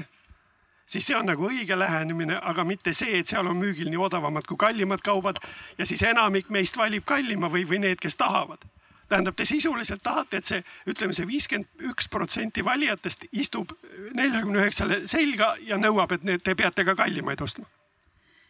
ja ei, ei seda ma ei, seda ma ei tahtnud. ma pidasin pigem kummaliseks olukorda, et meil on võimalik tarbijatena valida tooteid ja osta asju, mis, mille keskkonnakahju, mille tehtud keskkonnakahju on suur. Ja see, see toode ei ole tegelikult odav. see, et tema hind on odav, ei tähenda, et ta on odav äh, ka, ka sisuliselt ta on odav äh, seetõttu, et äh, on puudu näiteks seesama hinnalipik, mis, mis mõõdab, et kui palju sellest tootest siis ikkagi pärast lekib või tootejäätmetest lekib sinna jõkke ja kahjustab ja põhjustab seal ökoloogilise kollapsi ja saastab meie, meie maa pikaks ajaks, näiteks see on puudu või, või on puudu see jälg sellest tootest, mille ta jätab igaveseks põhjavette või, või muldadesse Äh, või, või atmosfääri äh, süsinikuna. ehk siis, äh, mis ma tahan öelda, on see, et meil peaks olema tarbijana, et me ei pea olema tarbijatena ise maailma kõige informeeritumad, et osata sellest kirjususest välja valida need kõige targemad asjad, mis maailma ikka kestavad ja, ja hästi targasti oskama jätta kõrvale kõik need, mis on kahjulikud kas emmast, kummast või kolmandast küljest. vaid et, et me pigem oleksime valmis jah, nõudma, ütleme sellist selliseid süsteeme, mis, mis aitavad vältida sellist olukorda, et me, et me ise omaenda valikutega saame taga kütta äh, oma enese elukeskkonna murendamist. pigem ma mõtlesin seda. läbi poliitika ikkagi.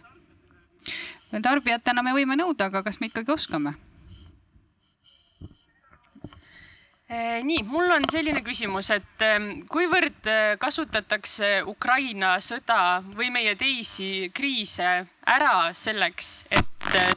et hoida meid tegelikult eh, tegemast keskkonnasõbralikumaid valikuid.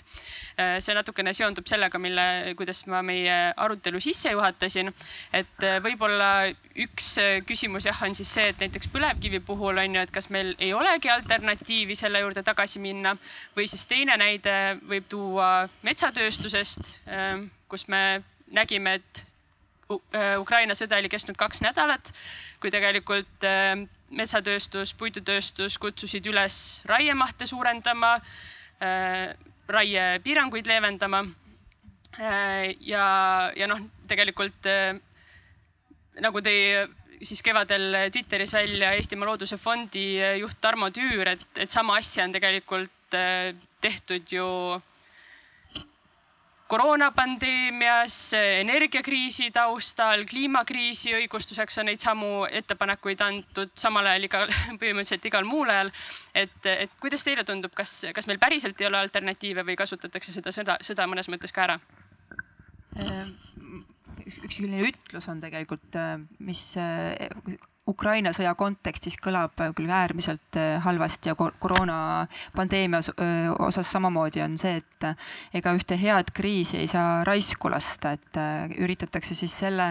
kriisi tuules ikkagi vajalikud ja ka võib-olla mitte nii vajalikud otsused ära teha. mis on oluline, on see, et ära tunda siis, millised on need tõepoolest kriisist johtuvad otsused, mida on vaja teha ja millised, millised need ei ole. et võib-olla selle mul on nagu eredalt meeles selle aasta märtsis korraldati ühte partnerpäeva keskkonnateemadel. Ja ta tuli siis, eks ju, kohe pärast sõja lahvatamist ja, ja mõnevõrra šokeeriv võib-olla oli see nende partnerite poolne tagasiside, kes, kus väga-väga-väga mitmed küsisid, et, et äkki võiksime nüüd keskkonnateemad jätta kõrvale ja keskenduda julgeolekuga seotud, seotud küsimustele. ja, ja võib-olla oleks õigem neid keskkonnaregulatsioone ettevõtetele nüüd leevendada käesoleva kriisi raames. et loomulikult seda üritatakse teha aga väga oluline on ka otsustajatel ja need, kes siis tõesti nii-öelda äh, lõpuks jah, otsuseid vastu võtavad, et need, et nad mõistaksid, mis selliste nii-öelda küsimiste või taotluste taga on ja ei teeks selliseid otsuseid, mida on hiljem väga keeruline jälle teistpidi keerata, et et, et kõik otsused, mida praegu Ukraina kriisi valguses tehakse, olgu selleks siis näiteks ka, ka LNG näiteks impordivõimekuse tekitamine. et selle kõrval me peame kogu aeg mõtlema, et jah, see on vajalik selleks, et see kriis üle elada. aga me peame ka mõtlema seda, et kuidas liikuda sealt edasi nii, et see lahendus ei jääks igaveseks või aastakümneteks, mis siis tegelikult rohepöördele ja kogu sellele keskkonnahoidlikule käitumisele vastu töötavad. Et see on, et seal nii-öelda neid erinevaid nüansse arvesse võtta nagu on vaja nutikust, aru saama, kuidas need asjad töötavad ja, ja jääda endale ka kindlaks eks see kriis praegu näitab meile nagu üsna, üsna kiirelt või järsku on näidanud seda, et kuidas me elaksime ilma fossiilsete kütusteta. et äh, ära hoia kõiki oma kartuleid võõras sahvaris, eks, et kus, et ja teine asi, noh, võib-olla siia noh,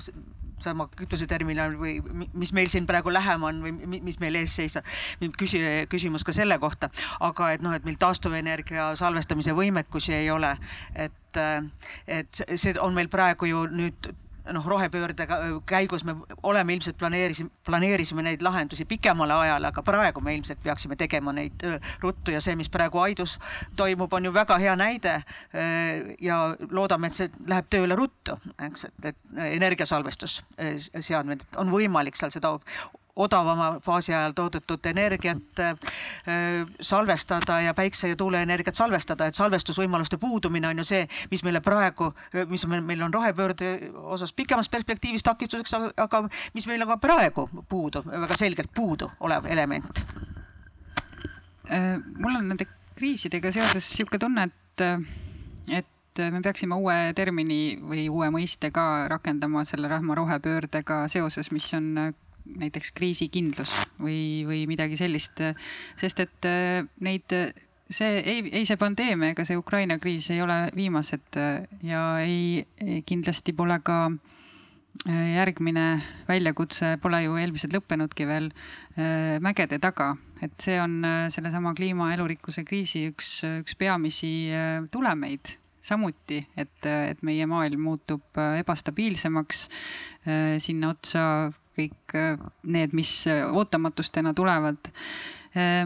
Tõenäoliselt me hakkamegi elama selliste lühikeste kriiside tsüklis, kus me iga kord peame hakkama midagi uut lahendama, jälle järgmine aasta on oi, näiteks paari aasta pärast on kestnud Lõuna-Euroopas põud kaks aastat järjest või, ja, või ja Ameerikas on sellega seoses on kõik toiduainete tarneahelad muutunud, jällegi meil on käes kriis, mida me peame hakkama lahendama. ehk siis, et kuidas säilitada see pikk vaade ja see edasiliikumine nende lühikeste ja, ja pikemate kriiside vältel, ilma et me pea ees hops hüppame jälle ühte, teise ja kolmandasse kohta, unustades selle, et mille pärast võib-olla jällegi mitte noh, võib-olla ka selles diskussioonis siin, et ja, ja teie kuulajate jaoks, et see rohepööre ei ole ju sündinud sellepärast, et me tahame teha ringmajandust või meile meeldib asju taaskasutada või et, et nüüd on kangesti popp, on, on mõelda kliimateemadel, ei ole, see on suurest tungivast vajadusest sündinud, sündiv muutuse selline muutuse ja lahenduste pakett ja see suur vajadus on seal ja ta ei lähe ära ja ta aina süveneb ja me peame teadma, et, et me peame neid adresseerima. ma võib-olla saan siinkohal teha reklaami homsele kell kaksteist toimuvale arutelule, kus ma veangi teemat äh, kriis, et kas Eesti oli kriisiks valmis, ükskõik mis kriis see siis on, on see siis äh, koroonakriis või, või äh, sõjast tulenev kriis. et väga lühidalt vastates küsimusele, mis ennem sai tõstatatud, on see, et, et tegelikult üks suur probleem, miks seda nii-öelda prooviti neid kriise ära kasutada, võib-olla ei tulnudki sellest, et tahaks hullult ära kasutada, vaid äh, tegelikult ka nii Eesti riigil kui ka ettevõtjatel, väga paljudel äh, puudus absoluutselt nii-öelda selline plaan B või nagu kriisiplaan, et äh, ma tulen ettevõttest, see on siis Statoil ja Circle K, kelle jaoks oli absoluutselt igasuguse asja jaoks oli olemas kriisiplaan, no ütleme, et selliseid peamisi stsenaariume oli umbes kaksteist ja, ja nende osas toimus iga-aastane nii äh, trenn, kuidas neid siis lahendada, kui ka inimesed olid ette valmistatud, et kes millega siis tegeleb, kui see asi lahti läheb ja kuidas siis ettevõtet juhitakse, et kui muidu on selline siiras ja armas demokraatia, siis äh, suure kriisi hetkel ikkagi võim koondub äh, väga väikese hulga inimeste kätte, kes siis hakkavad ka mingil määral seda kriisi juhtima päris paljude ettevõtjatega rääkinuna võin öelda, et äh, paljudel ettevõtetel võib-olla ka puudub täna, aga kindlasti koroonakriisi alguses puudus üldse arusaamine, et äh, millised on need kulud, millest nad saavad suurema vaevata loobuda selleks, et äri jätkuks, millised on plaan B-d mingisuguste teenuste, toorainete, mille iganes sisseostmiseks, ehk et selline eestlaslikult öeldes plaan B puudus et, et kindlasti siin äh, ma olen täiesti nõus, et need kriisid jätkuvad ja, ja igaüks peaks äh, välja töötama selle plaan B alguses äh, natukene rääkisime, et, et mõnikord tunduvad keskkonnaeesmärgid olevat omavahel kuidagi vastuolus, siis võib-olla Eestis käib nagu vähemalt arutelu, arutelude tasandil kogu aeg läbi kliima ja elurikkuse küsimustes nagu metsavaates siis. et Eesti siis metsatööstusest kõlab pidevalt, et, et meil on vaja metsa raiuda selleks, et see oleks noor ja seoks palju süsinikku, see on vajalik kliima jaoks. samuti me täidame ju oma taastuvenergia eesmärke mitte siis tuule ja päikese toel eelkõige, vaid biomassiga. kas, kas elurikkuse ja kliimaeesmärkide saavutamine Eestis on kuidagi omavahel siis vastuolus, võib-olla Aveliina või Kristi eelkõige? Äh, võib-olla elurikkusest äh, lähemalt, et esiteks elurikkus äh, ja, ja maakasutus, maakasutus, veekasutus, see, kuidas me oma looduses või üleüldse ümbruskonnas toimetame, on, on otseselt seotud ka kliimamuutuste leevendamisega, no näiteks süsinikuneutraalseks ei ole, kui meile see, kui me tahame seda sõna kasutada, ei ole võimalik saada ilma, et me mingisuguseid paratamatuid heitmeid oleme võimelised siduma oma loodusesse, oma maakasutussektorisse. võib-olla selle imemasina, ime, imekaltsiumi abil ka veel natuke juurde. aga, aga hea ja see, seal ei ole absoluutselt vastuolu. hea, elurikas, hästi toimivad ökosüsteemid on meie suurimad liitlased äh, kliimakriisi lahendamisel või kliima, kliimaga tegelemisel, kasvuhoonegaaside puhverdamisel. ja, ja seetõttu on äh, noh, see või ja, ja veel lisaks, et ütleme, see elurikkuse pool sellest äh, kriiside paketist äh, on, on ikkagi noh, Eestis võib-olla see sõna kõlab tihti, aga, aga et ta on äh, nii globaalselt kui ka, kui ka ikkagi Eestis jäänud pigem vaeslapse ossa, kuigi need kaks kriisi, see elurikkuse ja kliimakriis on niivõrd tihedalt omavahel seotud ja mõlemad on üliohtlikud ja nad ongi nagu üks ja seesama et ühte ei saa lahendada teise arvelt, aga ma vaatan ikkagi Eestis ka neid regulatsioone, mis tekivad või ka diskussioone, siis, siis see loodus on ikkagi alati vaeslapse osas, et, et see on see. mingisugune, mingisugune roheliste teema lihtsalt, kes ja. tahavad käia lendoravat vaatamas ja noh, see ei no, ole meile eluks vajalik. ei ole jah, just jah, et, et võib ka asfaldiga katta, aga see oli nali, sarkasm vabandust. ei, et tegelikult me ei, me ei tohiks seda alahinnata, loodus, loodushoid, elurikkuse hoidmine on ülioluline ja selle taastamine. et Euroopa Liit on nüüd äh, ette valmistamas, ette valmistanud äh, ja arutelule saatnud looduse taastamise määruse, mis näebki ette ka liikmesriikidele siis juba natukene äh, siduvamaid eesmärke ka loodusliku, looduse seisundi parandamisel ja just süsiniku sidumise parandamisel. ja, ja kui sa nüüd äh, kordasid sedasama, ütleme metsa, noh, mets ei ole ainus Eesti elurikkuse osa, et, et meil on looduses äh, palju ilusat ja palju head, aga ka palju taastamisvajadusega. meie suur osa märgaladest on, äh, on kuivendamise mõjudega ja on selle asemel, et nad süsinikku seoksid, on hoopiski kasvuhoonegaaside emiteerijad. Su-, siis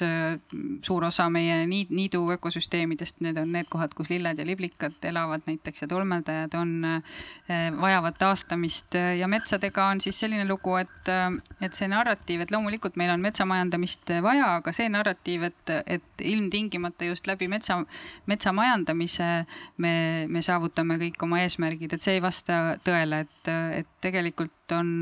on Eestis nüüd, nagu meil alguses siin korraks juttu oli, et Eesti maakasutussektor on süsiniku emiteerija, mis oma, mis tähendab tegelikult seda, et hoolimata sellest, et meil on üsna eh, hõredalt asustatud maa ja, ja justkui võiks ka olla palju loodust, me siiski oleme lükanud ta kliimamuutustesse panustajaks ja mitte kasvuhoonegaaside sidujaks. Ja, ja see on, eh, need, see muutus on toimunud jah, seetõttu, et meil metsadesse seotud eh, süsinikku, süsinik on vähenenud, metsavaru, puitse biomassi varu on vähenenud ja ilmselt väheneb ka edaspidi natukene või, või palju oleneb meie valikutest ning, ning see tähendab omakorda emissiooni õhku. Et see jutt, et me peame ilmtingimata hästi noored metsad hoidma, et süsinikku siduda ka ei vasta tõele, et, et siin, siin Keskkonnaagentuuri ja ministeeriumi enda arvutused näitavad seda, et kui me täna ikkagi metsaraiet natukene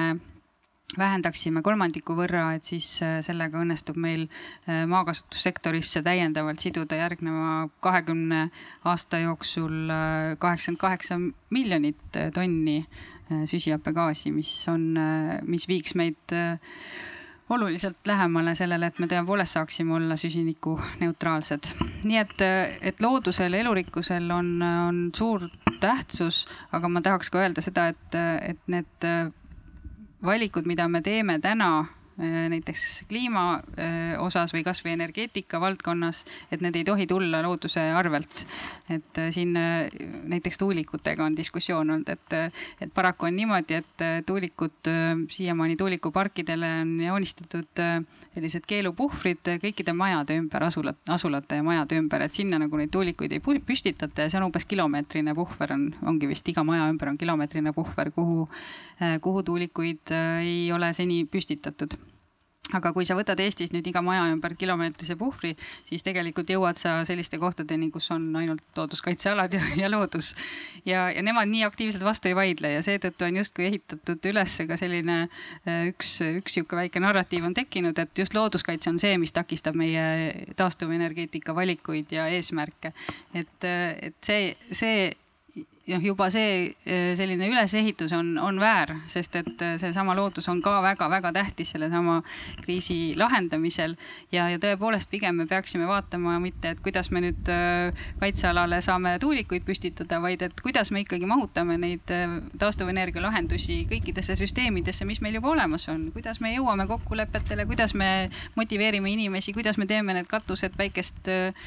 püüdvaks ja nii edasi ja nii edasi, et, et mitte esimeses järjekorras ei lähe kõige vaiksema osapoole ja kõige sellise kannatavama osa, osapoole eh, kallale. et no nii palju siis sellest ma täiendaksin ka selle taastuvenergia äh, aspekti siin, et äh, taastuv, taastuvasse äh, kolmkümmend protsenti praegu on meil see määr, eks, taastuvate osakaal, et sellesse tõesti suurem osal puit praegu panustab, eks, aga et nüüd sellest kaheteistkümnest või kolmeteistkümnest miljonist tiiust, mis me aastas metsast välja tuleb, sellest läheb nüüd tõesti see üks, üks pool osa läheb taastuvenergiasse, eks taastuvenergia toodanguks, aga et siis teine pool läheb ekspordiks, eks, et ärme siis seda ja toodetesse, eks, et ärge, ärme siis seda aspekti unustame, et, et kui me räägime, et äh, nüüd see puit nagu äh, puiduraie mõjub negatiivselt meie taastuvenergia eesmärkidele, aga et seal on teised osad ka veel juures, et puit tegelikult läheb ka veel ekspordiks toodetesse ja nii edasi, aga eksport on oluline. aga taastuvenergias endas, seal sellest, kus on see kolmkümmend protsenti meil, sellest kuskil kakskümmend seitse, kaheksa on siis see biomass, aga siis on seal see päike ja tuul ja siis tegelikult sama palju kui päike on ka näiteks see, millest me siin eelnevalt rääkisime, oli see olmejäätmete põletamine. nii et see on praegu sama suur kui päike, nii et sellised huvitavad proportsioonid on, vaadake seda taastuvenergia sihtmärki ja uurige selle sisu ka meilt, et, et seal on selliseid huvitavaid asju, mille peale, aspekte, mille peale tihtilugu ei, ei mõtle, et ei saa, ma tahtsin refereerida Avelinale, et ei saa alati elurikast ja raiet, metsa, taastuvenergia sihtmärke omavahel nii otseselt siduda, seal on ka teisi mõjureid veel. Ehm, ma, meie aeg on tegelikult eh, praegu saamas täis, aga, aga enne kui ma veel tahan väga teile sõna anda, siis eh, ma küsin Kaia seda ka, et kuidas me saaksime tulevikus teha niimoodi, et, et need erinevad teemad, millest me oleme täna rääkinud, need omavahelised sünergiad ja vastuolud oleksid meil ka tulevikus kuidagi ühe pildina ees, et me no tore, tore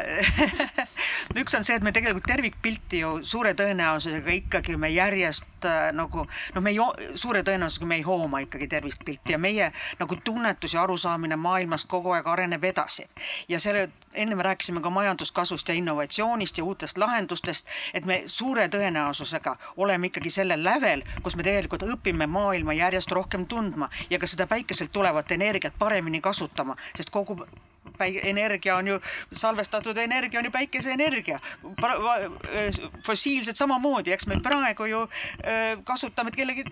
varem salvestatud energiat, nüüd peame õppima ise, ise salvestama ja ilmselt ka teistes valdkondades on sellised hüpped ees. ega kiviaeg, nagu öeldakse, ei lõppenud sellepärast, et kivid otsa said, eks, et, et,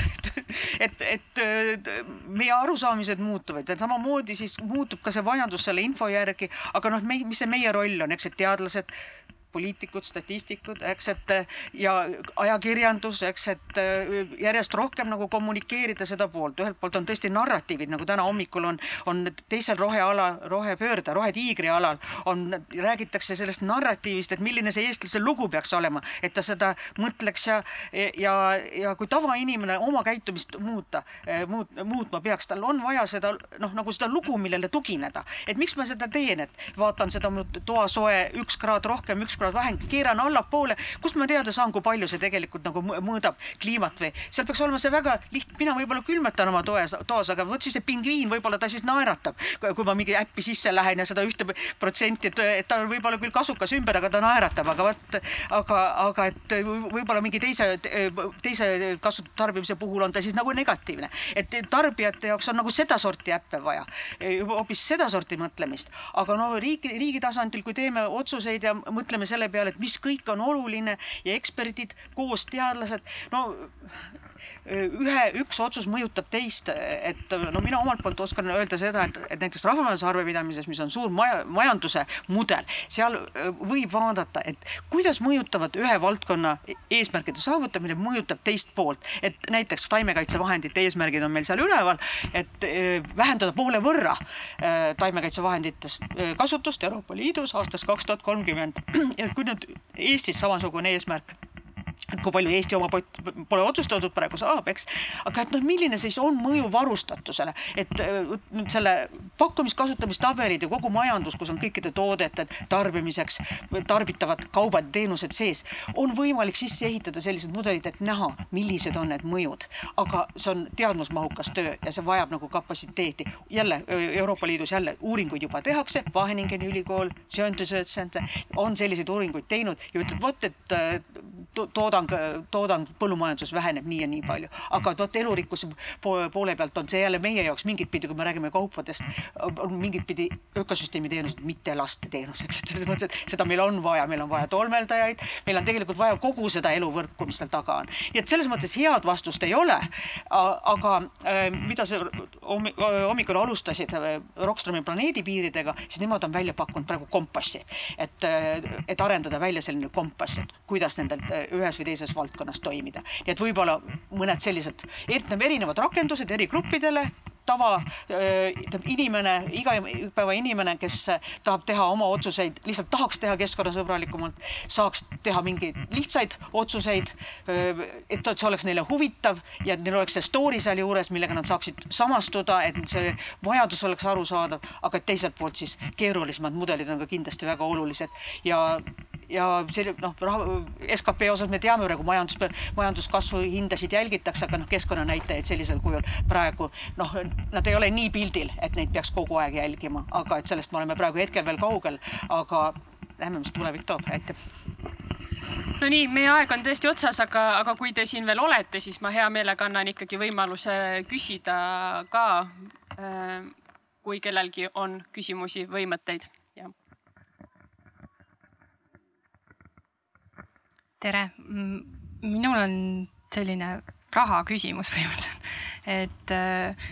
Eesti riigi eelarve strateegias aastal kakskümmend üks kuni kakskümmend neli oli ringmajanduse hoogustumiseks või siis ette nähtud kümme koma seitse miljonit krooni.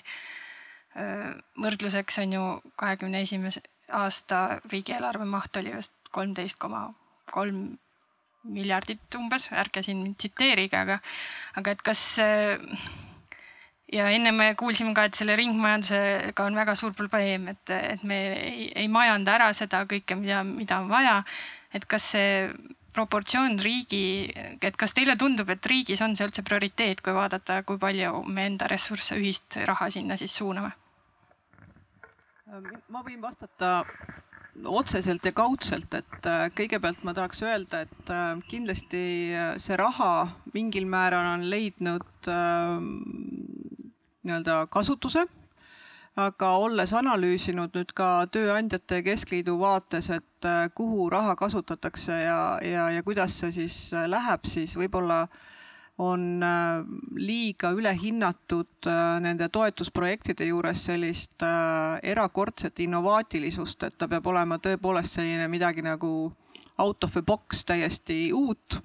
ja jäetakse võib-olla ka tähelepanuta ka ringmajanduse lahenduste juures seda, et kuidas ta on skaleeritav. Ehk et maakeeli öeldes, et äh, kas see on selline asi, mis võib-olla nagu toimib ainult nagu väga piiratud äh, nagu lahendusena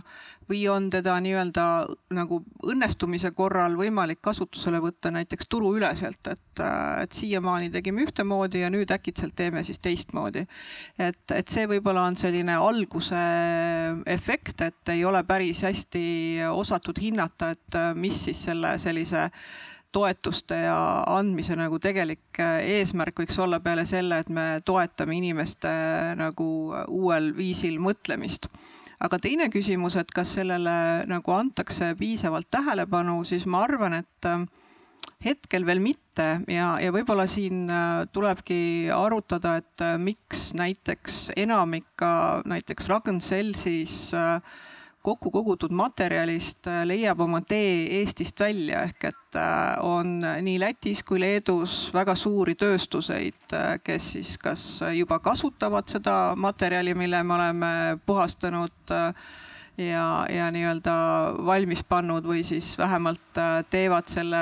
lõpptöötluse, et sellest äh, nii-öelda meie kogutud materjalist saaks siis tegelikult ka juba kuskil tööstuses kasutatav lähtematerjal. Et, et see on üks koht, mida kindlasti peaks vaatama, et miks Eestis ei ole nii-öelda seda teist poolt, kes ka aktiivselt Äh, sooviks saada seda ringlusesse võetavat materjali äh, enda, enda töötluses. finantseeringute poole pealt korra kommenteerin ka juurde, et ma soovitan alati riigieelarve strateegiat vaadata siis nii-öelda koosmõjus Euroopa Liidu eelarveperioodiga ja kuidas e-, Euroopa Liidu eelarve nagu ütleme, üle kõikide riikide jaoks kokku lepitakse, seal nii-öelda seatakse ka niisugused üldised prioriteedid, et kui mitu protsenti näiteks kogu eelarvest peab suunama mingite konkreetsete prioriteetide rahastamiseks. kui me vaatame Äh, nüüd Euroopa Liidu eelarvet kakskümmend üks kuni kakskümmend seitse, neid rahasid, mis Eestile suunati, et seal iseenesest kogu, kogu mahust ütleme kaks miljardit eurot suunatakse kliimamuutuste äh, kliimaga seotud tegevustele. Ja seal siis nii-öelda on alamvaldkonnad, eks ole, mis on siis, ongi kas siis ringmajandus või, või ressursitõhusus laiemalt, millel siis raha suunatakse. ja, ja eks see raha ütleme, et need prioriteedid, ehk mis ma ütleks, ähm, mõjutavad väga palju ka seda, et kuhu siis äh, riik täiendavalt oma vahendeid äh, suunab. et kui Euroopa, kuna Euroopa Liidu eelarvevahendid nõuavad ka kaasfinantseerimist riigi poolt, siis, äh, siis ta tihtipeale ongi selline, tuleks need kahte poolt nii-öelda kokku koos vaadata, et kuhu siis see raha suunatakse ja see pilt võib olla mõnevõrra natukene, natukene erinev no nii, äh, ma väga vabandan, et me oleme oma aruteluga nii lõhki läinud, sellepärast kahjuks äh, me rohkem küsimusi võtta ei saa, aga, aga võib-olla saate kellelgi siin veel sabast kinni haarata ja, ja natukene edasi arutleda. Äh, suur aitäh, et, äh, et te osalesite meie arutelus. ma ütlen ka, et äh, pärast meid kell kaks räägitakse siin järgmisel keskkonna teemal, kas olla või näida keskkonnaväidete usaldusväärsus, mis on siis rohepesust kõneleb. ja kell neli on siin Anna Pihli juhtimisel Eesti otsustusjulgusest kliimakriisis arutelu. suur aitäh veel kord ja ilusat Arvamusfestivali. selge see, et ega kõike teha. μαζί με